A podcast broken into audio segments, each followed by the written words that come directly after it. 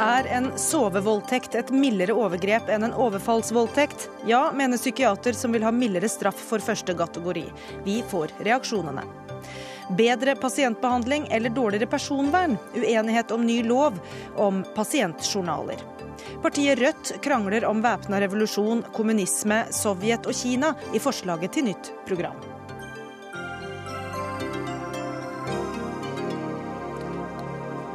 Ønsker vel møtt til Dagsnytt 18. Jeg heter Gry Blekastad Almås. Det er vår i luften og tid for dugnader. Er det greit å betale seg ut av pliktene, spør vi også i denne sendingen. Men først. Psykiater Synnøve Bratli foreslår at man kategoriserer og graderer voldtekter og gir ulik straff. Hun sier til Aftenposten i dag at det er forskjell på overfallsvoldtekter og det hun kaller sovevoldtekter. Og Synnøve Bratli, eh, hva er den prinsipielle forskjellen?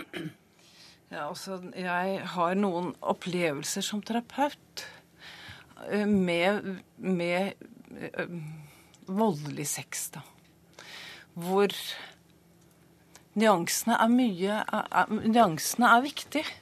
Altså, denne jenta har jo opplevd ting hun ikke ønsker. Ung mann hun liker. Ja, han liker henne.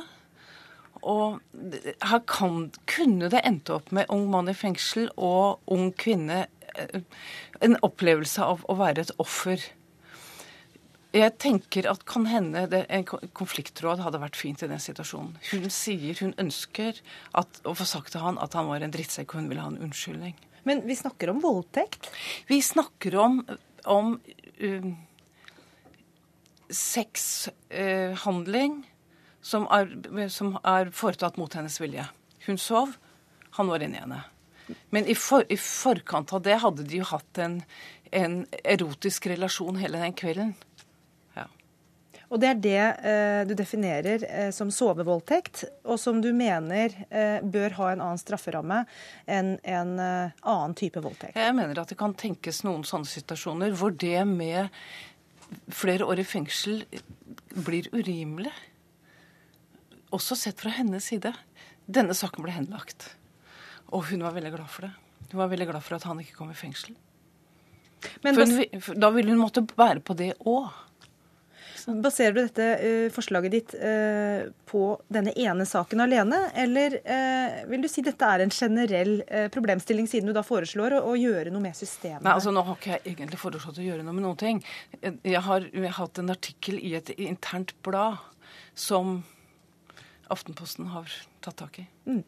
Og som også har ført til at uh, Advokatforeningens uh, utvalg har hatt et møte i dag. Eller hadde vel hatt møte uansett, men dere har diskutert denne saken. Hege Salamon, du sitter der. Og hvordan var reaksjonene? Nei, Våre reaksjoner er jo at uh, straffbare handlinger bør anmeldes, etterforskes og iretteføres. Og vi syns det er mye viktigere at man har fokus på alle mørketallene. Uh, det viser seg jo at det kanskje er én av ti som anmelder voldtekt. Og vi syns det er mye viktigere å ha fokus på det. Og så syns jeg også det er viktig å fremheve at vi ikke skal skape verdige og uverdige ofre. Mange som har vært utsatt for voldtekt, eh, sliter med skyld og skam etter overgrepet. Og da er det viktig at man ikke skal legge ytterligere byrde eh, til den byrden som de allerede har. Men kan det være situasjoner som den vi får beskrevet her, eh, hvor det nærmest er å gjøre også offeret en bjørnetjeneste ved å, å, å fengsle da, gjerningsmannen i mange år og gjøre han til en alvorlig kriminell? Ja, Nå er det jo opp til det enkelte voldtektsoffer om man ønsker å anmelde eller ikke. Eh, og heldigvis så har vi en ordning med gratis bistandsadvokat. Så at man kan få gratis råd og veiledning hos en advokat hvis man er usikker på om man ønsker å anmelde. Så det er jo helt opp til en selv. Eh, om man ønsker å gjøre det. Men her er det jo kommet ett eksempel. Jeg vet ikke hvilket forskningsmessig belegg eh, som psykologen har for sitt arbeid. Men det jeg opplever, i hvert fall som bistandsadvokat gjennom 14 år, vi har møtt mange voldtektsofre, det er at mange ved å anmelde nettopp føler mindre skyld og skam. Og man føler at man blir kvitt en byrde ved å la samfunnet ta ansvaret for den straffbare handlingen man har vært utsatt for. Og Det mener jeg er et riktig utgangspunkt. Og så får man vurdere fra sak til sak om det er enkelte som ønsker å ikke anmelde. Ja, for Bratteli, er ikke det du gjør egentlig å gjøre offeret medskyldig eh, i den måten du omtaler eh, denne typen hendelser på? Nei, altså jeg, jeg mener at alle ofre føler skyld. Også ofre trafikkulykker, i andre ting. Og at skyldfølelse er en veldig viktig del av å, å kunne snakke om for å tilfriskes. Og, da, og, og skyldfølelse det, det, kan være helt irrasjonelt, som at jeg var på feil sted. ikke sant? Men det kan også ha en rasjonell andel, som f.eks. Uh, at jeg ble for full. Og det å kunne få snakke om det, det handler om å bli subjekt, ta tilbake og være subjekt i sitt eget liv. Som en del av tilfriskningen. Dette er et av poengene som jeg skrev om i litt mer sånn faglig sammenheng. For hvis vi sier du må ikke føle skyld, det er ikke din skyld, så altså, hun trenger å snakke om det òg. Ja. Eh, kan det ikke være motsatt, Salomon, at man uh, gjør offeret til mer offer enn det de er og bør være? For sin egen del? Ja, det er i hvert fall slik jeg ser det, og en del reaksjoner jeg har fått fra eh, ofre for Jeg tenker på hvordan systemet er i dag, altså. Det med at saker ja, At man ved å si at en, en sånn type sovevoldtekt eh, er en så grov kriminell handling som en overfallsvoldtekt er, gjør eh, et, eh, et, offer til et større offer enn det vedkommende egentlig er, som kanskje kan ses på som litt medskyldig? Så Begge sakene er jo voldtekter, eh, men domstolene foretar jo en individuell vurdering. Og Det syns jeg er viktig å, fremheve. At det er jo ikke på en måte offerets reaksjoner som skal danne grunnlag for hvilken straff som gis. Man, jo, man foretar en, eh, en, individuell vurdering eh, av straffverdigheten av saken. Av skadevolders skyld og den objektive grovhet av handlingen. Mm. Og I noen saker så vil det foreligge formildende omstendigheter som gjør at man får mindre straff. I andre saker så så er det skjerpende omstendigheter. Det kan være f.eks. en gruppevoldtekt eller det kan være betydelig skade hos offeret. Og da vil det gis en strengere straff. Så det er jo Det foretas jo alltid en individuell vurdering. Det er jo ikke slik at eh, det gis nøyaktig samme straff eh, i hver enkelt sak. Og da må jeg spørre, Hva er hensikten med å kategorisere eh, disse ulike voldtektstypene, når man allikevel i rettssystemet ser på hver enkelt sak og alvorligheten i dem? Altså, Denne saken ble henlagt, og jeg tror mange sånne saker blir henlagt. Han sier nei, selvfølgelig. Han blånekter. Uh, hun, så det er ord mot ord. Ikke sant? Og det, man, hun gikk jo litt sent til, til voldtektsmottaket, så man fant jo ikke noe, altså, noe spor. Så det var. Og det kan hende at det hadde vært færre henleggelser hvis man hadde hatt en nyansering eller en type konfliktråd. Og det kan også hende at det hadde vært lettere for disse guttene å be om unnskyldning og si ja, jeg var litt Jeg gikk for langt hvis han ikke hadde fått så streng straff. Mm. Nå har vi hørt at uh, bistandsadvokatene ikke uh, er enig med deg. Vi skal høre hva uh, politikerne mener. I hvert fall én av dem, Margunn Ebbesen. Du sitter i justiskomiteen for Høyre. hva syns regjeringspartiet Høyre om dette graderingsforslaget? Ja, Vi støtter ikke det forslaget i det hele tatt. Eh, det har vært en lang kamp på Stortinget for å få økt eh, straffenivået på denne typen eh, overgrep. Og Det å begynne å skille mellom hvorvidt det er en sovevoldtekt eller en, en overgrepsvoldtekt, det er vanskelig. For det er uansett et overgrep som er gjort mot en person. Og Domstolene tok ikke signalet fra Stortinget på at man ønsker å se alvorlig på disse sakene. Det skulle straffes hardt. Derfor ble det eh, jeg tror det var ganske enstemmig på Stortinget vedtatt økning av straffenivået i denne typen saker. Og nettopp som hun eh, advokaten her sier i forhold til straffenivået, det kan eh, nyanseres i forhold til hvordan overgrepet er gjennomført. Altså hva er det som er skjedd her. Men at det skal streng, straffes strengt fra samfunnet, den typen overgrep, det er det er helt klar og tydelig på. Men samtidig så er det viktig å ta innover seg og, og altså, lytte på fagfolkene. Hva er det som skal til? Og, i, i et behandlingsøyemed for de personene som har har opplevd sånt, et sånt overgrep. Ja, Nå hører du jo fra psykiater Synnøve Bratli her at i hvert fall for enkelte ofre så er det kanskje viktigere å få en unnskyldning enn mm. at gjerningsmannen blir straffa. Ja, og det, det, kan godt hende at det er viktig i et behandlingsøyemed. Men hvis Men da uansett... den straffen eller strafferammen står i veien for mm. en unnskyldning, eh, så må man kanskje gjøre noe i retning av det hun foreslår? Nei, jeg ser ikke for meg at det skal være løsninga på denne typen, eh, denne typen, saker. Det er veldig vanskelige saker. Det er tunge saker for de personene som opplever denne, dette traumet. Og jeg var i dag på, på senteret på Dixie overgrepsmottakssenteret, voldtektsmottakssenter. Og når jeg hører historiene fra personer som har opplevd eh, voldtekt over lang tid fra nær relasjon, og når du endelig da tar kontakt med politiet og får hjelp, så, så, så, så, skal den byrden bli tatt av skuldrene dine. Det skal ikke være en eh, byrde du skal ha på deg. At du, du ønsker ikke at din nære person som du har relasjon til, skal gå i fengsel. For det sa den personen som opplevde det her. Lett personene slipper å ta det ansvaret. Det har storsamfunnet tatt og sagt at vi, vi straffer denne typen overgrep eh, hardt. Har du Bratteli, eh, basert dine synspunkter på litt for tynt grunnlag her, på den ene historien som, som, som sikkert er legitim nok, men, men, vi hører jo andre som opplever eh, andre altså, Jeg har jo opplevd og møtt mange som er grovt voldtatt, gruppevoldtatt, familievoldtatt over lang tid. Og det er, en, det er, en, annen kategori. Det er jo noe av det som er min, mitt utgangspunkt. At jeg opplever at de altså det, det er veldig mye enklere på en måte å se den totale ansvarsfratakelsen som de skal ha. Men, men det er noe med eh, Du sa det så fint i sted, eh, at eh, det er som om det blir litt for stort. Altså noen kvinner med, med mer moderate seksuelle krenkelser, for å kalle det det. Der er, der er de må nesten kommunisere at dette er voldtekt. For, bli, for, de trenger jo noen å snakke med. Og så tar det av. Og så kan det bli for stort. Og der, der, Det er jeg bekymra for. Men du det, mener fortsatt at det er snakk om uh, krenkelser og overgrep? Ja. Helt klar på det. Altså, En kvinne skal ikke oppleve å, å finne en mann inni seg når hun sover. Jeg syns ikke det. Nei. Nei. Og det ser jo også i Aftenposten, hvis du er riktig sitert, så har du da kategorisert det som en nestenvoldtekt. Men etter loven så er det faktisk en voldtekt. Mm. Eh, og det er jo viktig at de som har vært utsatt for voldtekt, blir møtt med forståelse eh, og kunnskap om hva en voldtekt er. Eh, for der er det store mangler. Men her ble jo loven endret for uh, fire år siden. Uh, og da ble akkurat denne kategorien tatt inn i voldtektsbegrepet. Uh, og, og, det betyr vel også at det er, det er ganske nytt da, at man forstår det som en voldtekt. Og det kan kanskje være problematisk også for de som blir utsatt for det, eller som er innblanda i det? Jo, men vi ser jo, altså, Det er faktisk nesten 80% av sånne saker som blir henlagt. Og det er viktig at disse sakene blir tatt på alvor. Og nettopp for at man ikke skal ha den kategoriseringa av hva, hvor, hvor, hvor, går grensen hen, så er alt sammen nå tatt inn at det er en straffbar handling.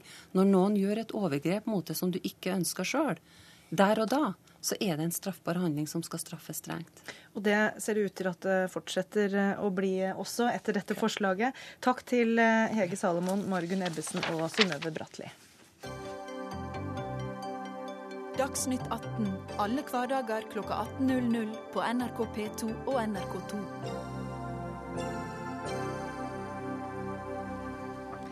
Stadig flere sykepleierstillinger utlyses som deltidsstillinger, kunne Dagsnytt fortelle denne uka. Bare litt over halvparten av stillingene er heltidsstillinger. Det viser en undersøkelse utført eh, for Sykepleierforbundet. Og leder eh, i Sykepleierforbundet, Eli Gunhild By, hvorfor provoserer dette deg?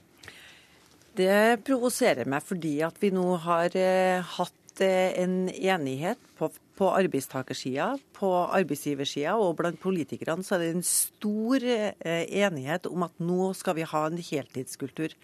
Hvis vi skal få til en heltidskultur, så må altså minstekravet være at stillingene som lyses ut, må være heltidsstillinger. Det er første bud. Og Da lurer vi på hvorfor de ikke er det, eh, styreleder i kommuneorganisasjonen KS, Gunn Marit Helgesen. Ja, eh, jeg er enig med By i at eh, dette tror jeg vi er enige om. At vi ønsker en heltidskultur i hele kommunesektoren. Hvorfor er det bare halvparten av stillingene som utlyses ja, som er heltidsstillinger? Ja, Det er et godt spørsmål. fordi det er nok gjort ganske mange tiltak i mange kommuner for å øke andelen heltidsansatte. Men det er jo også sånn at her er det to parter. Eh, arbeidsgiver må tilby å lyse ut heltidsstillinger, eh, og ansatte må være villige til å jobbe heltid. Eh, og Her tror jeg begge har noe å svare for. fordi det er faktisk sånn at deltid avler deltid. Og når ansatte ønsker deltid, og veldig mange jobber deltid, så blir det ikke nok brøk igjen til å lyse ut en heltidsstilling. Så det er på en måte et sammensatt problem som jeg kaller problem, og som vi i fellesskap må finne en løsning på. Ja, Det er jo ikke så lett å utlyse heltidsstillinger hvis sykepleierne ikke vil jobbe fulltid? Nå er det sånn at Første bud som jeg sa, er å lyse ut hele stillinga. Hvis du skal ha deg en hel stilling, så må du altså ha muligheten til å søke på den hele stillingen. Jo, Men hvis vi, viljen ikke er der hos sykepleierne? Norsk Sykepleierforbund vi er helt klar på at vi ønsker å jobbe for en heltidskultur. Det er helt klart at I helsesektoren så har det vært en deltidskultur gjennom flere tiår nå. Eh, men vi ønsker altså nå at nå skal det bli en heltidskultur. Men ønsker medlemmene det? Det ja, er jo spørsmålet. Det, ja, mange av våre medlemmer sier at de ønsker å gå eh, i hele stillinga, og at, ikke, at, de ikke får de stillingene som de faktisk ønsker. Vi har jo blitt beskyldt for at vi ikke vil det, men det er altså sånn at eh, tar vi tak i dette her og, og lyser ut hele stillinga, når vi da ser på den undersøkelsen her at det fortsatt er sånn at 50% av stillingene er deltidsstillinger som lyses ut, så kommer vi ikke i mål. Og det er gjort mange gode prosjekter, både i kommuner og rundt omkring på helseforetakene og sykehusene rundt omkring i det ganske land, hvor, man, hvor det viser at hvis man lyser ut, og hvis man gjør noe med denne problematikken her, så får man altså til det. I dag har jeg vært på Haukeland, eh, altså i Helse Bergen. Her har de et stort prosjekt eh, med mange virkemidler som de har satt i gang. Sykepleierne søker på hele stillinga, eh, så det er ikke det store problemet. En ukultur i, i Ja, det er jeg helt enig med, med By i at det er. Eh, og jeg har lyst til å si at eh, det handler ikke bare om heltidsstillinger. Det handler også om eh, arbeidstid, fritid, nattarbeid, helgearbeid. Og vi vet at veldig mange faktisk ikke ønsker å jobbe så ofte i helgene som man kanskje må, hvis de skal få turnusen til å gå opp, eller jobbe nattarbeid. Så det er på en måte en Jeg Mener at turnusene krever deltidsansatte for Nei, at den skal gå opp? Ja, iallfall sånn som noe av turnusene er nå. fordi det handler også om Det er ren matematikk. at hvis ikke ikke, da må man jobbe flere helger, eh, flere netter, eller må gjøre noe med turnusen. Og, og det faktisk... Men det er kanskje det man må, da? Gå ja, inn og gjøre noe med systemet? det må man. Eh, og jeg har lyst til å si at 80, nesten 80% av kommunene kan rapportere om at de faktisk gjør ganske mye, eh, og har prøvd mange ulike tiltak for å få til flere som kan jobbe heltid. Men som jeg sier, jeg har lyst til å presisere, vi kritiserer ikke Sykepleierforbundet eller andre for at man ikke ønsker heltid, men, men det er altså ansatte som må ville jobbe heltid også. Og det er faktisk 70% i pleie- og omsorgssektoren sektoren som jobber deltid i dag. Men, men hvorfor, si, hvorfor, går, hvorfor, går, den deltidsandelen opp? Denne undersøkelsen viser jo også at antall deltidsstillinger øker, til tross for denne enigheten som du nevnte innledningsvis. Da går det jo i motsatt retning av det alle er enige om at det bør gå. Jeg trodde faktisk at undersøkelsen viser at eh, det er 48% av stillingene som nå er deltid, mot 56% i fjor. Så sånn sett så går det litt i riktig retning, men altfor tregt. Og det er jeg helt enig i. Men jeg har bare lyst til å minne om at nå er vi midt oppe i hovedtariffforhandlinger. Eh, og i dag i dag så la KS frem et uh, nytt tilbud hvor det står at når stillinger blir ledige, skal det foretas en gjennomgang av arbeidsplaner og oppgavefordeling for å vurdere sammenslåing av deltidsstillinger. Så jeg har bare lyst til å si at vi er genuint opptatt av problemstillingen. Vi ønsker en heltidskultur. Vi kommer til å jobbe bevisst med våre medlemmer fortsatt for å kunne tilby heltidsstillinger. Men som sagt, det, er, det skal to til for å danse tango, og vi må også ha ansatte Men, som ønsker å jobbe helger, netter, for å kunne gi det tilbudet vi vil. Men betyr det du akkurat refererte til der, at når man får en deltidsstilling ledig, så vil man tilby den til noen som allerede jobber deltid, for å fylle ut og, ja. og bli en heltid. Hva tenker Sykepleierforbundet om det? Jo, det er jo eh, en positiv ting, og det er jo faktisk også å komme med en lovendring i forhold til at det er krav på arbeidsgiver at man skal, at man skal, lyse, nei, at man skal tilby den hele stillingen eh, til, til dem som allerede er ansatt. Det og Da ligger vel ansvaret hos dine medlemmer å si ja til det og fylle ut den deltidsstillingen, sånn at man faktisk jobber fullt? Det er helt riktig. Og det er helt klart at vi har en utfordring også i, i vår medlemsmasse blant sykepleierne i forhold til det å, å, at man skal ta en eh, heltidsstilling. Men nå er det sånn at her må vi da endre kulturen. Skal vi klare å endre kulturen, så må vi danse tango sammen, som du sier. Og, og skal vi klare å danse den tangoen, så er altså vi veldig klar på at vi ønsker en heltidskultur. Arbeidsgiverne, eh, eh, Flere arbeidsgivere har sagt at de ønsker en heltidskultur. Og politikerne helt, har helt klare målsettinger, både tidligere regjering og nåværende regjering, i forhold til at, det, at dette skal, de, skal vi ta tak i. Men da er det sånn at første bud må altså være at de stillingene som lyses ut, må lyses ut i hele stillinga. Og når vi har da sett på de tre første månedene i år, så ser vi at fortsatt 50% av stillingene er deltidsstillinger. Dette her må det tas mer ordentlig tak i. Det er masse gode prosjekter rundt i kommuner og helseforetak og sykehus. Og så her er vi på riktig vei, men vi er utålmodige, og vi ønsker at dette, at dette her må vi skyve på og pushe på vi trenger de ressursene og, og, og den kompetansen ute for, hvis vi skal møte de utfordringene som vi har fremover. Men Jeg har bare lyst til å si at uh, jeg er helt enig med By, og, vi er enig i at dette er en ukultur som vi må jobbe sammen om. Uh, og hvis det engasjementet som By viser nå i forhold til sin medlemsmasse, så skal jeg love det samme engasjementet i forhold til arbeidsgiverne og medlemmene våre, nemlig Kommune-Norge. Det er store variasjoner i Kommune-Norge. Noen kommuner, de større bykommunene og i nord, Finnmark er faktisk veldig gode på heltid og ser at dette er viktig også i rekrutteringssammenheng.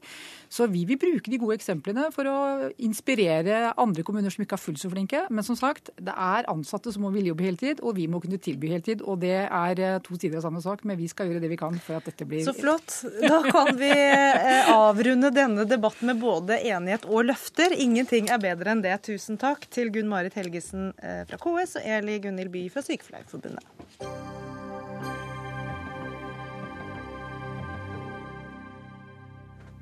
Om eh, dugnadsånden lever eller er døende. Litt senere i Dagsnytt 18, nå til eh, det som ligger an til eh, å bli harde tak når partiet Rødt holder landsmøte om drøye to uker.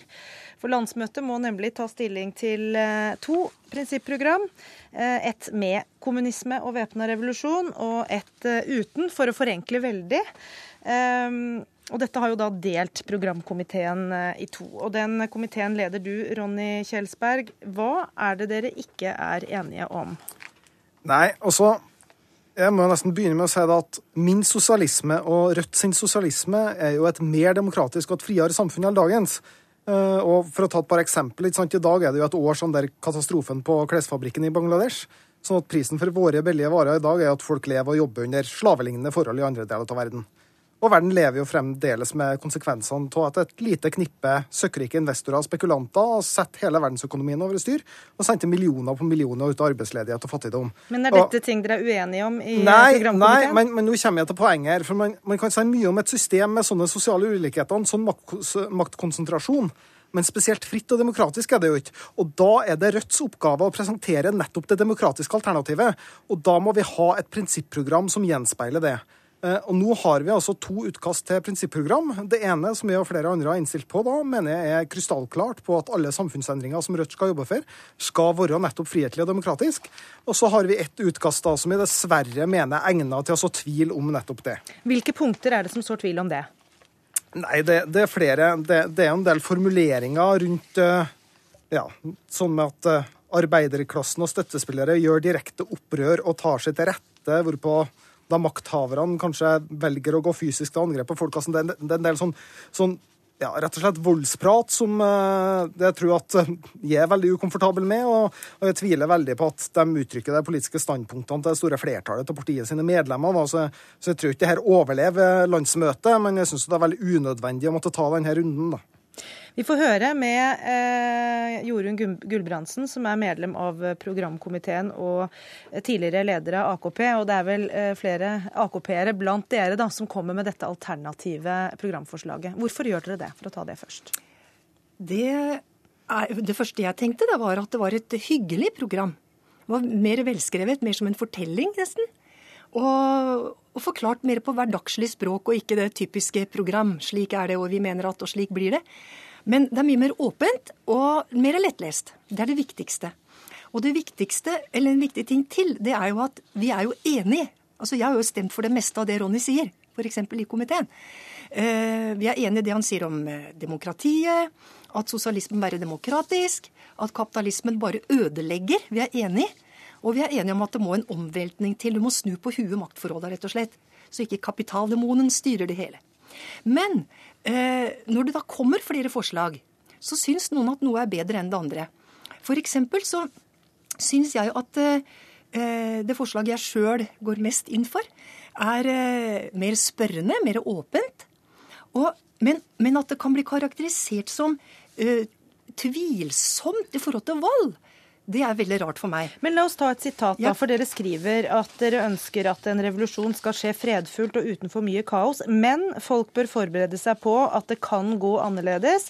Også litt lenger uti, eh, om makthaverne da velger å gå fysisk til angrep på folket, ser vi det ikke som urimelig om folket svarer kontant. Er ikke det en oppfordring til eh, bruk av vold?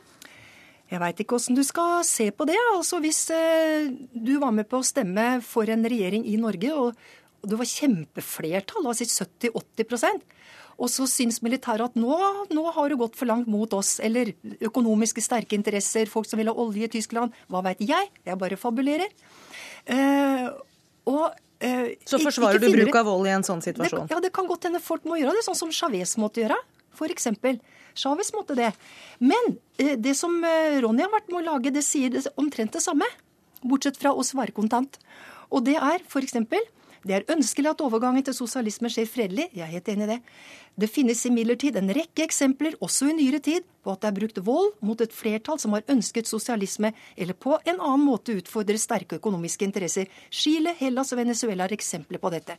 Og det er, eh, det er jeg helt enig i. Det det er beklagelig. Men la oss diskutere det. Ja, Kjelsberg, la, la oss høre, da. Er det egentlig ikke så stor uenighet på dette punktet som eh, du vil ha det til? Det spørs jo hvordan man tolker det. Altså, det er klart, det finnes vel ikke det partiet fra Frp til Rødt som ikke er imot at en eller annen gruppe skal begå et væpna statskupp mot eh, demokratisk, valgte, demokratisk valgt regjering. Eh, Men andre partier har jo ikke sånne formuleringer av prinsipprogrammene sine for det. Eh, Så jeg mener jo at eh, hvis, hvis det er det man mener, så, så, for det første kan man ikke formulere seg sånn som, sånn som de gjør det. Eh, Og for det andre så, så mener jeg at et prinsipprogram skal i utgangspunktet ikke være et dokument som, som diskuterer slike eventualiteter fram og tilbake. Det skal beskrive hvilke prinsipper som er viktige for Rødt, og hva Rødt skal jobbe for. Det, og det er og skal være at samfunnsendringer skal skje demokratisk og fredelig. Eh, Der er både dagens program og det andre programutkastet veldig tydelig på, på at det Rødt skal jobbe for, mens forslaget fra Gulbrandsen med flere da mener jeg er utydelig, da, for å si det mildt. Jeg er ikke enig i det, for at ja, jeg, jeg syns jeg kan lese, jeg. jeg syns at det står veldig, veldig bra forklart at du må være forberedt, folk må ha valg, du må organisere lokalt, alle må delta. ikke sant? Du må stadfeste ting med parlamentariske folkeavstemninger. Altså det er eh, på side fem i mitt papir her. Jeg ikke hatt tid til å lese opp alt. Sånn er det. Men det som jeg også tenker eh, Jo mer du diskuterer hva slags samfunn vi har, har vi demokrati i Norge? Er det kapitalen skal vokse som er sjefen og har førsterang? Er FUS? Ja. Og hvis det er tilfellet, så må en kanskje tenke seg at en omveltning hvor den blir fratatt denne muligheten, men hvor du og jeg og alle andre er dem som bestemmer det, og ikke kapitalens profitt. Hvis det er sånn at uh, dette her er egentlig en veldig stor og kraftig maktforhold, så er det ikke helt ueffent når du først er revolusjonær, å diskutere hvordan kan du unngå at det blir vanskelig. Og det mener jeg er at folk skal være forberedt å være demokratiske sjøl og organisere seg. Ellers så tror jeg det spiller ikke stor rolle hvem av de forslagene som ble vedtatt. Vi lever godt i Rødt i dag med de formuleringene som vi diskuterer nå. Nå skal vi høre hva håper å si, Rødts framtid mener. Line Elise Øen Mælen, som nylig ble valgt til leder av eh, Rød Ungdom. Eh, Nå har du hørt på diskusjonen her. Hvem heier du på? Jeg og Rød Ungdom heier ikke på, på noen av de, men eh, vi vil jo selvfølgelig ha et prinsipprogram som, som slår fast viktige prinsipper som demokrati og, og som sosialisme og frihet. Det er det viktigste for oss i Rød Ungdom. Og jeg er jo med i Rød Ungdom for jeg ønsker en mer rettferdig verden. Det ser vi rundt oss at det ikke er i dag. 85, eh, 85 rikeste eier like mye som halve menneskeheten. Og det må vi gjøre noe med. Eh, mens millioner lever i fattigdom, lever også ekstremt få i en veldig eh, rikdom. Og Men dette tror jeg vel eh, begge Ja, de to andre debattantene her er helt enige om. Og det vi lurte på, var jo hvem, hvem hvilken av disse to programforslagene er det du kommer til å gi din stemme til? eh, jeg, jeg har ikke stemmerett på landsmøtet til Rødt. Hvis du hadde hatt, hvilket? Jeg tror, jeg tror Ronny sitt har mange gode visjoner som er viktig å ta med seg. Eh, som vi, i Rød Ungdom kan, kan, kjenne oss igjen i. Blant annet så, så uh, syns vi det er bra at uh, prinsipprogrammet skal ta utgangspunkt i dagens samfunn og se framover. Og det mener vi godt at uh, gjøres, men det er ting i begge prinsipprogrammene som vi mener burde forbedres. da. Mm. Men er det generasjons, et generasjonsskifte vi ser her? Er det en ny retning for partiet Rødt, eller?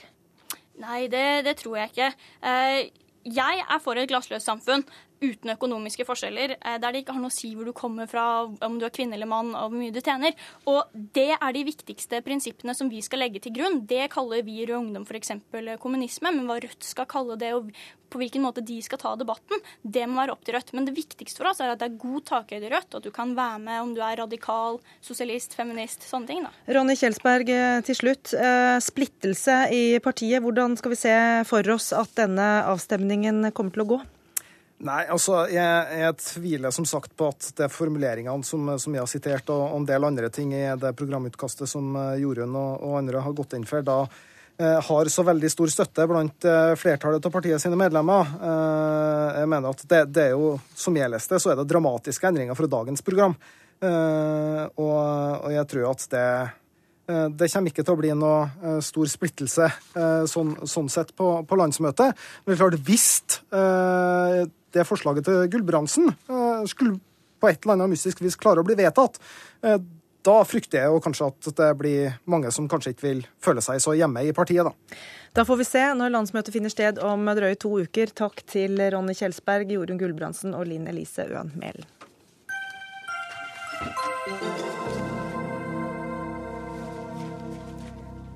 Nå om eh, den eh, nevnte tragedie som preget nyhetsbildet i hele verden for eh, ett år siden i dag.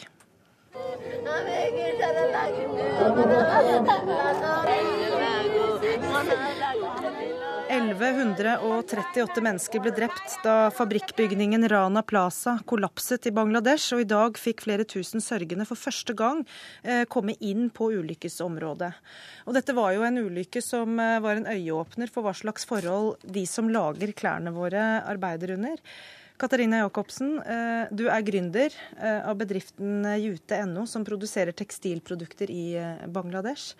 Har denne ulykken endret arbeidsvilkårene for tekstilarbeiderne på noen måte? Eh, ikke fundamentalt, eh, tror jeg. Men eh, det kunne man jo heller ikke vente i løpet av ett år. Jeg tror at noe av det viktigste som har skjedd, er muligens at vi har fått en bevissthet i vår del av verden om hvordan eh, klær lages. Noe så banalt som hvordan klær lages. Man trodde, skulle jo tro at vi visste det, men det er jo sånn i vår verden nå at vi, vi, vi bare konsumerer og tenker veldig lite på at det er noen som sitter i den andre enden. Ja, hvilke utslag har en økt bevissthet fått? fått? Den veien er jo lang å gå, men uh, det helt praktisk så, så, så jeg at Primark, som er et, et, av de store firmaene som er egentlig irsk, som var i Rana Plaza, de hadde jo en økning i sin profitt i fjor på 14% så, Sånn sett så har de ikke fått noe utslag for bedriftene som sådan. Og når det gjelder de som var rammet direkte av denne katastrofen eh, Panikken brøt jo løs blant tekstilarbeiderne i, Bangladesh da denne forferdelige ulykken eh, skjedde. Eh, men de færreste hadde jo noen mulighet til å gjøre noe annet enn å gå tilbake i under samme arbeidsvilkår og i de samme dårlige bygningene som kan rase sammen over hodet på dem når som helst. Du har jo selv nylig, nylig vært i, i Bangladesh. Hva, hva sier folk om situasjonen, om endringer som eventuelt har kommet dette året? Jeg tror at øh, folk har ikke veldig store forventninger til hva som skal skje. Uh, de aller fleste sa på forhånd at øh, de ikke hadde så veldig tro på at det kom til å bli så veldig mye utbetalinger av erstatninger sånn som, som, som, ble lovet. Det ble jo lovet veldig mye. og Det var en konferanse i Dhaka i dag, så jeg, og da sier man jo at det er et stort gap mellom det som ble lovet rett i etterkant av ulykken, og det som faktisk har skjedd. Per Bondevik, eh, du er daglig leder i Initiativ for etisk handel og har også eh, relativt nylig eh, vært i Bangladesh. Hva mener du er det viktigste som har skjedd i løpet av dette året? Jeg tenker at Det viktigste som har skjedd, det er kanskje først og fremst på det organisatoriske planet, om jeg kan si det slik. Etter, I løpet av det siste året så har over 170 globale kleskjeder samla seg i to allianser som skal jobbe i fellesskap for å sikre brann- og bygningsmassen. Eh, rett og slett sikre at ikke rane plasser kan skje på nytt. Arbeidet, Det konkrete arbeidet har kun så vidt starta, men de har organisert seg, de har samla seg, og i samarbeid med nasjonale myndigheter og FN sitt kontor i Bangladesh. Det er helt rett at det har ikke gitt det store resultat ennå. Men jeg tror at her det, ligger det godt til rette for at du kan få et, et konstruktivt og nødvendig arbeid for å, for å styrke akkurat den biten. Ja, Du snakker om bygningsmassen, men vi har jo også hørt om uh, mange eksempler på dårlige uh, arbeidsforhold for tekstilarbeiderne. Er det noe uh, signaler på at det kommer bedringer i så måte? Det er jo et arbeid som er litt tyngre, men ikke, ikke, mindre viktig. Det er helt, det, du har helt rett i det. Jeg tror nok at økt fokus har gitt et, gitt et momentum både i bransjen og politisk, eh, for å eh, blitt mer informasjon rundt de faktiske arbeidsforhold. Det gjør at det er større press på bransjen. Det er et større eh, følelse og risiko fra bangladeshisk tekstilindustri med fare for, for, å miste kunder, for å miste business. Så både myndighetene og bransjen der følger på. Så det er nok en, en, en interesse, enten om man er kommer frivillig eller press i, bransjen der ute for å, gjøre for, å bedre forholdet. Men det er fremdeles et viktig arbeid å gjøre der. Og som, som eh, kollegaen her var inne på, så i forhold til Rana Plaza, det som mangla totalt, var jo at arbeiderne hadde, hadde organisert seg på en måte slik at de kunne si at vi vil ikke gå tilbake på jobb den dagen.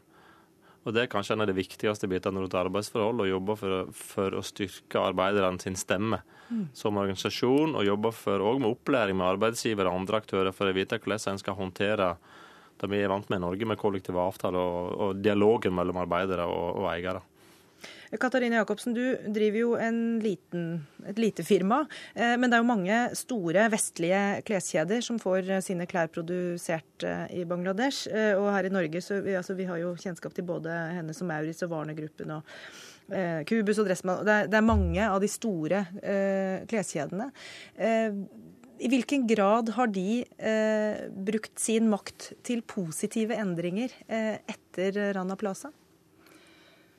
Noen har jo betalt inn litt penger til, eh, til, fond. Og så har man jo satt eh, organisert eh, også nå inspeksjoner. Systematisert muligheten for inspeksjoner.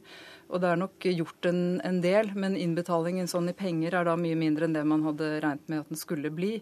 Uh, og fremdeles er det jo sånn altså I dag er det så vidt jeg skjønner noe som heter uh, Fashion Revolution Day i forbindelse med akkurat dette her, som blir feiret uh, enkelte steder i, i, også i Vesten. Og, og, det er egentlig et veldig godt eh, begrep, fordi det er en revolusjon som må til. Eh, og da mener jeg egentlig revolusjonen i den gamle betydningen av ordet. Altså en helt annen økonomisk måte å tenke på.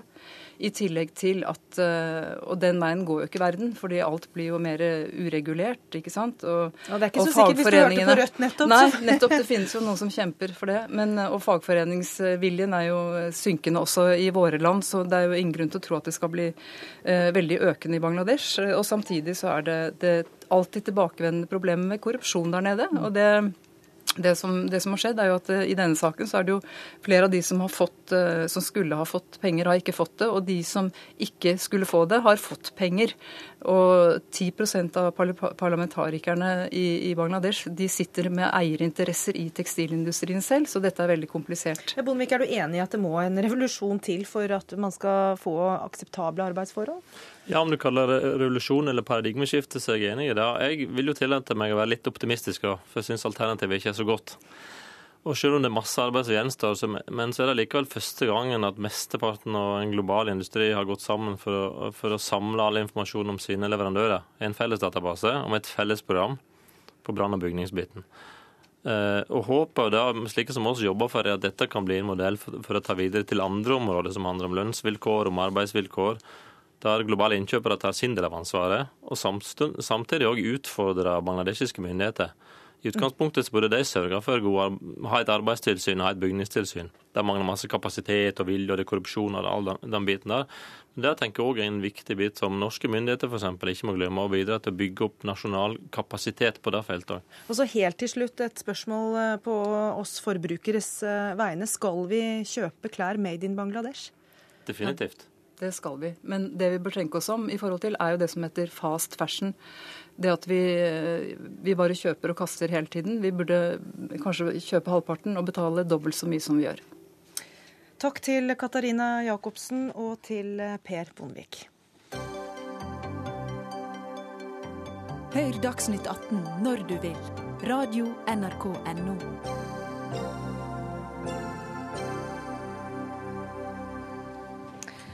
Kan økt tilgang til journalene bedre behandlingen av pasienter, eller trues personvernet dersom flere får rett til å lese intime opplysninger?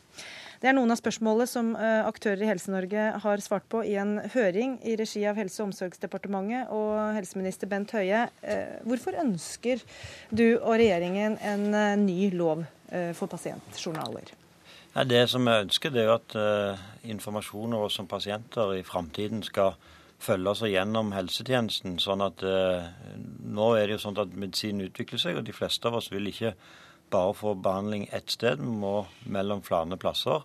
Det som oppleves i dag som et problem både for pasienten og de som jobber i helsetjenesten, er at det er veldig byråkratisk for å få tak i nødvendig informasjon. I noen tilfeller så får han heller ikke det, og pasienten opplever ofte sjøl at de blir ansvarliggjort for de som må ta med seg informasjon mellom de ulike deler av helsetjenesten.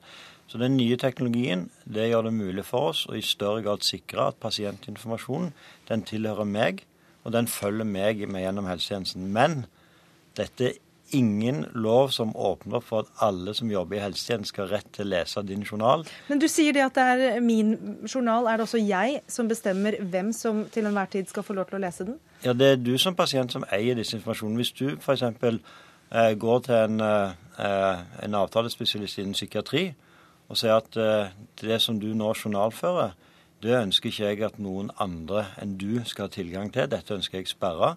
Så har du rett til det i dag, og du vil ha rett til det i framtiden. Og da blir det en skyggejournal da, på siden Nei, av den? Nei, eh, skyggejournal er ikke lov nå, og det blir heller ikke lov i framtida. Eh, journal er journal. Men det er ikke sånn at dette lovforslaget innebærer at vi samler alle Norges eh, journaler elektronisk på ett sted, og at alle som jobber i helsetjenesten har tilgang. Det er en misoppfatning av det som her foreslås. Det som foreslår med loven, det er at vi gjør det mulig at informasjon om oss som pasienter kan følge oss gjennom helsetjenesten, men det er kun relevant informasjon for den behandlingen som skal gis, som helsepersonell som behandler deg, har tilgang til. Og Det som er fantastisk bra nå, det er at den nye teknologien gjør at vi faktisk kan oppdage hvis noen snoker, og vi kan oppdage det sjøl som pasient. Før, når vi hadde papirjournaler som lå ned innelåst eller lå i arkivskuffene, så kunne de som var på nattevakt, forlyste seg med naboens sykehistorier uten at noen hadde muligheten til å finne ut av det. Der, og det er ikke helt er ukjent. Jo, der er du inne på det som Jeg har hørt historier om at de har funnet fantom, eh, fantomblader og Donald-blader inne i pasientjournaler. Men, men i framtiden og, delvis nå, så kan vi som pasienter gå inn og se hvem har vært inne og sett på vår journal. Var det en, en, en som jeg hadde relevant eh, behandler for, eller som behandla meg? Eller var det naboen? Ja, for det, for det, nå, nå, er du jo inne på noe av det som har vært den store innvendingen. For det har vært mange innvendinger mot denne, uh, dette forslaget uh, fra mange. Og Venstre er blant de som ikke er så støttende til forslaget. Iselin Nybø, du sitter i justiskomiteen. Uh, hvorfor liker ikke ditt parti dette forslaget? Nei, jeg, nå, nå, er jo dette forslaget kommet til, til helse- og omsorgskomiteen og skal jo diskuteres der. Og der skal jo vi òg selvfølgelig diskutere med regjeringen eh, om dette. Men jeg syns det er grunn til å være eh, bekymra. Eh, for det er klart at vi snakker her om store mengder data som skal lagres og oppbevares. Og det er personlig informasjon, og det er informasjon som vi ikke vil at andre skal få om oss. Og hvis det er én ting vi vet, så er det at det skjer sånne sikkerhetsbrudd. Vi kan, vi kan, si at vi ikke ønsker det, vi kan gjøre alt vi kan for å unngå det, men det skjer i dag, og det kommer til å skje i framtida. Men hvorfor er det verre med det systemet eh, Høie ønsker seg, enn det systemet som er i dag? Nei, det er klart at det, her det er jo det, Jeg vil først si at det som regjeringen legger fram nå, er jo bedre enn det den forrige regjeringen la fram på det på det å ivareta personvernet. Men, men samtidig så, så, er det mye data som skal lagres. Eh, og det er klart at det er, er, informasjon i dag fra sykehuset i Stavanger som ligger på servere i USA. Fordi de hadde underleverandører som lasta ned eh, altså pasientinformasjon. Eh, og det er klart at Vi må ta dette inn over oss. Og vi må jo ta inn over oss når, når leger sier at eh, de er redde for at pasientene deres ikke skal føle seg trygge eh, og ikke skal kunne fortelle dem alt fordi de er redde for at andre skal vite det. Og så må vi huske på at selv om vi har eh, selv om det er et alternativ for oss å si at vi, vi, bare vil at fastlegen vår skal ha tilgang til den informasjonen, så er det veldig viktig for oss i Venstre at det er et reelt alternativ. At ikke det bare er de som er veldig oppdaterte eller veldig interessert i personvern, som benytter seg av den muligheten, men at det faktisk føles som en reell mulighet for alle pasienter som går inn ei helsedør og si at dette er faktisk noe jeg ikke vil at noen andre skal vite om meg. Eh, og det er en av de tingene som, som vi kommer til å være opptatt av at faktisk blir ivaretatt. Ja, Derfor er det veldig tydelig på at hvis leger møter pasienter som er bekymra for dette, så mener jeg at det legen har som plikt da, det er jo ikke å være medbekymra med pasienten, men å faktisk gi pasienten informasjon om at OK, er du bekymra for dette, så er det min jobb å skjerme denne informasjonen. Eh, det er å berolige pasienten, ikke å gjøre pasienten enda mer bekymra. Jeg ser noen av de innleggene som har vært fra noen leger i media, bidrar til å skape bekymring som er helt unødvendig. Det er faktisk den legens jobb å informere pasienten om hva som er pasientens muligheter. For her er det jo både leger og psykologer og mange som ja, har meldt seg på med en stor bekymring. Men så er det en del av de eh, utsagnene som handler om det som var sendt ut på høring. Så har jo vi lytta til en del av de høringsbildene som er kommet og gjort eh, noen endringer. og Blant annet så skal vi lage en forskrift som regulerer personvern og eh, datasikkerhetsspørsmål, der informasjonen skal gå mellom de ulike enhetene. og Den forskriften skal være på plass før samtidig som loven eh, trer i kraft. Nå har vi hørt at det har vært skeptisk i din, ditt samarbeidsparti Venstre. Vi skal høre hva eh, opposisjonspartiet Arbeiderpartiet eh, mener om forslaget. Torgeir eh, Micaelsen, dere støtter regjeringen? Hvorfor ja, vi det? gjør det. Ja. Jeg er glad for at vi kan ha og til møtes her er enige. Jo da, det skjer oftere enn folk tror, kanskje. Ja. Nei, altså, Mitt poeng er følgende. Um, opplysninger om oss, de mest private opplysningene, helseopplysninger, de lagres. De lagres i dag, og de må på, annet, på en eller annen måte lagres også for framtida.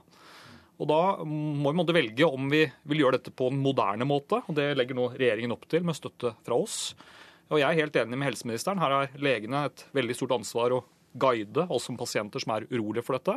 Men personvern handler også om at riktig informasjon blir delt på riktig tid med de som skal lese om oss. For at sånn at pasienter som i dag opplever at de må fortelle livshistorien sin og symptomer ja, mange ganger til ulike instanser i sykehusene, eh, skal slippe det, f.eks. Eh, og helseministeren har helt rett. altså Med det nye systemet så vil det være mulig å selv overvåke hvem som har lest opplysningene til enhver tid. Det vil bli et innloggingssystem for de som skal lese dataene om deg og meg. Eh, I hele tatt har vi mye større muligheter til å overvåke dette enn vi har i dag. Og jeg tror jo at vi står overfor, det er midt inne i en revolusjon blant oss eh, altså pasienter. Vi finner oss rett og slett ikke i lenger. At det er noen som er flinkere enn oss, da, fagfolkene, som skal være de som er liksom, ja, de hellige som bare skal få lov til å skrive hva de vil om oss. og lagre hva de vil om oss. Vi vil lese det selv. Og jeg i hvert fall har ikke tenkt å sitte stille og se på at når jeg vet at jeg har blitt testet for en alvorlig sykdom, og jeg vet at lab-resultatene nå er på vei inn, og de kommer inn på en server, så vil jeg vite om det med en gang. Vil ikke vente til en lege eller en på et kontor har tid til å ringe meg opp. Jeg tror vi ikke hadde funnet oss i i dag og ikke hatt selvangivelse f.eks. på nett. Det var akkurat mye av de samme innvendingene mot hva skal jeg si, digital selvangivelse. Eller at vi kan gå i nettbanken og betale regninger. Der også er det risiko for at ting går galt. Derfor må vi gjøre alt vi kan for at det ikke går. Men dette er framtida. Og jeg syns det er litt rart at Venstre, som i mange sammenhenger er et veldig moderne, framtidsrettet parti, er så skeptiske til noe som ja, Nå skal vi høre da, nå er det den tredje saken på rad hvor vi snakker om revolusjon her i Dagsnytt 18 i dag. Men dette er også en revolusjon dere i Venstre ikke vil eh, være med på. Eh, er det ikke riktig å tenke litt nytt rundt disse tingene også? Jo, selvfølgelig er det det, og mye er veldig bra. F.eks. så har vi nå fått, eh, eller er i ferd med å få en kjernejournal. Og der er jo poenget at du skal ha tilgjengelig de nødvendige helseopplysningene om deg. Sånn at hvis det skjer noe akutt, Eh, så kan, så kan helsepersonell ha tilgjengelig de, den informasjonen som de trenger. Eh, men det er et ganske langt stykke fra å ha liksom, den aktuelle informasjonen som er nødvendig, til å ha all informasjon Men det er personvernet du er bekymra for her. Eh, pasientsikkerheten, da, eh, som på en måte blir motsatsen. Er det ikke viktig at den først og fremst ivaretas, Jo. sånn at vi kan få den riktige hjelpen? Jo, og derfor så tror jeg at eh, mye av det vil, vil hjelpe med denne kjernejournalen, som tar høyde for at eh, vår sikkerhet når vi, når vi havner i en akutt situasjon, blir ivaretatt. Sant? Der lagres informasjon hvis du er allergisk mot noe, eller hvis du har problemer med hjertet, eller ja, sånne ting. det. Så jeg mener at den er ivaretatt, eh, ivaretatt der. Men så må vi huske på, når, når eh, skatteetaten blir trukket fram her, eh, så gjør skatteetaten veldig mye bra, veldig mye moderne, men det skjer feil. Det er folk som får offentliggjort hele sin selvangivelse. Eh, til, ja, for hele omverdenen. og du frykter det samme her for helsejournalene? Ja, selvfølgelig. Og det mener jeg det er grunn til å frykte. fordi eh, nå, nå er det jo sånn at lovgivningen her vil jo ligge foran de praktiske systemene til de enkelte foretakene i dag. Eh, vi vet jo at systemene i dag ikke er sikre. Eh, jeg sier ikke at vi ikke skal gå i den utviklingen. la, la oss da avrunde med eh, helseministeren. Skal du få lov til å også berolige oss, hvis du klarer, med hvordan du skal ivareta eh, denne sikkerheten? Nei. Sikkerheten er godt ivaretatt i dette regelverket. Det vil ikke være mulig å bruke dette lovverket uten at en har de teknologiske løsningene som ivaretar de sikkerhetskravene som ligger her. Så Hvis du ikke har den teknologien på plass, hvis du, ikke, hvis du ligger tilbake teknologisk, eh, og det er det mange som gjør i helsetjenesten, det er det ikke tvil om, så kan de heller ikke benytte seg av disse mulighetene. Der, er- der det, Men det vil være veldig vanskelig hvis vi som lovgivere skal si at vi venter med å gi en moderne lov helt til hele det helse-IKT-systemet er i tråd med det. Det er bare å Da- legge penger på bordet, det. Så, Nei, det er det dessverre ikke. Det er eh, mye, mye mer komplisert enn det. Eh, og Derfor så må vi lage et lovverk som faktisk peker i retning av av dette. Og jeg er helt overbevist om at det som nå kommer, det ivaretar personvernet på en mye bedre måte enn sånn som det har vært nå, der en har tatt utgangspunkt i det papirbaserte samfunnet. Du har ikke klart å overbevise Venstre helt ennå, men ja, vi de får se ikke helt hvordan nei det går heller. i Stortinget. Takk. Vi skal snakkes, ja. Det er godt å høre. Takk til eh, Bent Høie, Torgeir Micaelsen og Iselin Nybø.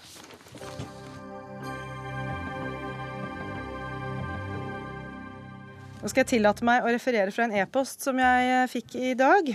Hei. Vedlagt følger dugnadsliste for dugnaden på Toyota. Viktig at alle bidrar på denne dugnaden. Dugnad er gøy! Denne invitasjonen legger jeg da sammen med et utall andre dugnadsoppgaver eh, som jeg har fått denne våren. Eh, flaskeinnsamling til polentur, vareopptelling på stormarked, kakebaking til foreldremøter, kakebaking til avslutninger, loddsalg til fotballen, foreldreutvalg på skolen, laglederarbeid for fotballen osv. osv. Og da bør det stemme at dugnad er gøy. Eh, Veslemøy Hedvig Østrem, du er konstituert kulturredaktør i Aftenposten. og du hyller i dag Dugnads-Norge i en kommentar. Hvorfor er dugnad gøy? Dugnad er gøy når det handler om fellesskap og om å jobbe sammen mot et felles mål. Det er ikke gøy å selge doruller. Det er det ingen som syns er moro. Og der må man passe seg så man ikke utnytter foreldre for mye. Men jeg syns dugnad er en av de absolutt viktigste bærebjelkene vi har i samfunnet vårt. Eh, Det handler om fellesskap, om å jobbe sammen mot et mål, eh, møte hverandre i et lokalsamfunn, bidra til at barn og ungdom kan få opplevelser og utvikle seg, få identitet til eh, det stedet de bor, og, og gjøre noe sammen. Men nå er du bekymret for dugnadens framtid. Hvorfor det? Det viser seg jo at eh, dugnadsviljen går ned. Eh, før var det rundt ja, over 60% som bidro i frivillig arbeid. Nå er det under 50% og det er ganske rask nedgang. Vi ser også at unge menn de tar dugnadspause i ganske mange år. Eh, De finner ikke ut, finner, syns ikke det er så viktig å bidra på denne måten før de kanskje får barn igjen. Og, og vi, vi har dårlig tid, og da velger vi heller å prioritere ting som vi får realisert oss sjøl med, enn å, enn å bidra til ting som kanskje ikke oppleves som like meningsfullt der og da. Karl Henrik eh, Sivesin, du er, eh, har forsket på fenomenet frivillighet, eh, er ved Institutt for samfunnsforskning. Du mener at dugnadsånden kan misbrukes. Eh, Hva mener du med det? Ja, eh, vi, Når vi spør folk om eh, motivasjon for frivillig arbeid, så sier de at de, eh, de vil gjøre noe for en sak. De vil eh, lære noe. De vil eh, få nettverk. De vil kanskje få kontakter som kan være nyttige i arbeidslivet, og få noe på CV, særlig unge mennesker.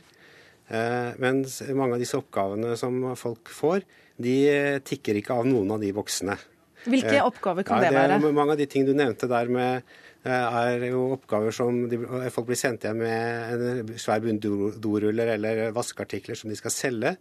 Og da går jo- man jo glipp av alle de de positive ringvirkningene av frivillig arbeid.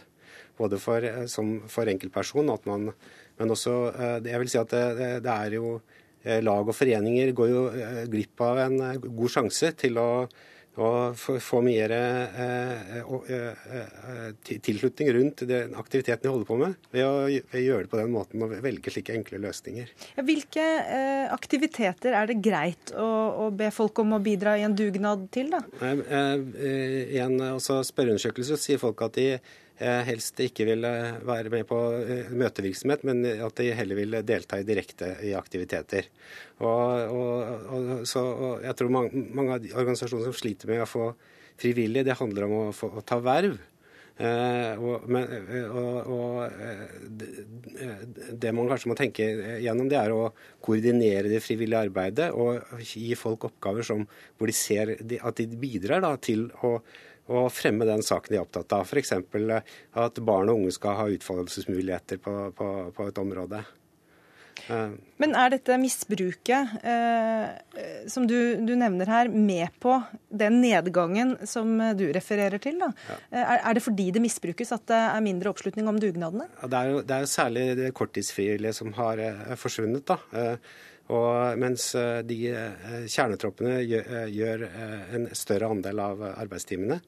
Og det, er jo det er ofte denne type oppgaver som, som de, disse korttidsfrivillige har, har, har drevet med. da.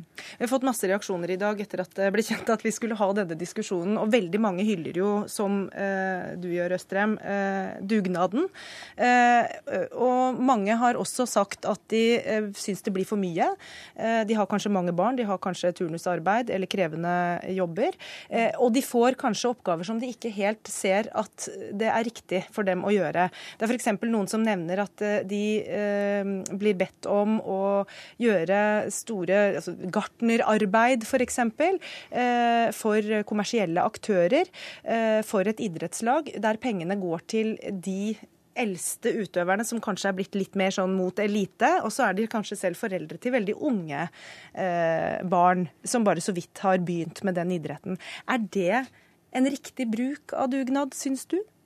Jeg tror alle lag og foreninger skal være veldig bevisst på hva de ber foreldre om å gjøre. Jeg tenker at uh, du, du skal f.eks. ikke ha for mange aktiviteter i løpet av et år som, som, krever for mye. Man må ha en respekt for at folk har, folk har mye å gjøre, og at de har dårlig tid. Og, og at kanskje enkelte perioder i livet er det verre å å bidra så mye enn andre perioder. Men Skal man føle skam hvis man ikke kan eller syns det er riktig å bidra? Eller hvis man kjøper kake istedenfor å bake hjemmelaget? Eller? Jeg har jo sagt i dag at jeg innrømmet i dag at jeg er verdens dårligste kakebaker, så jeg foretrekker å levere vafler eller dirigere aspiranter. Det syns jeg er mye morsommere. Men um, jeg tror det er viktig å gi folk litt oppgaver som de føler de mester og har glede av. Jeg tenker at uh, Loppemarked, som vi nå er på vei til å gå inn i, det er jo det ultimate dugnadsarbeid.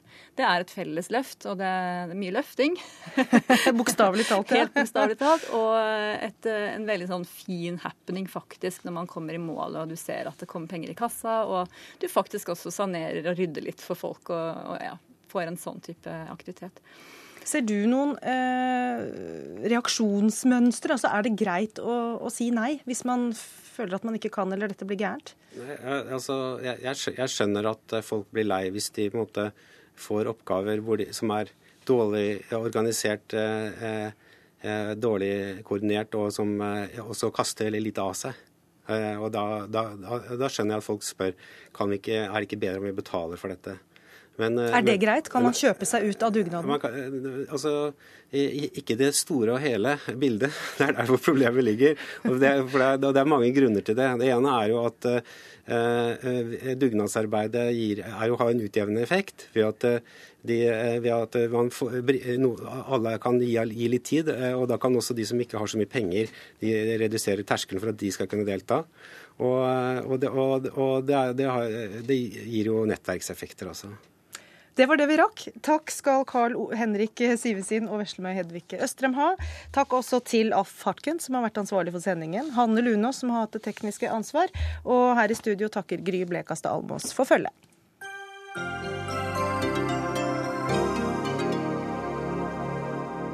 Hør flere podkaster på nrk.no podkast.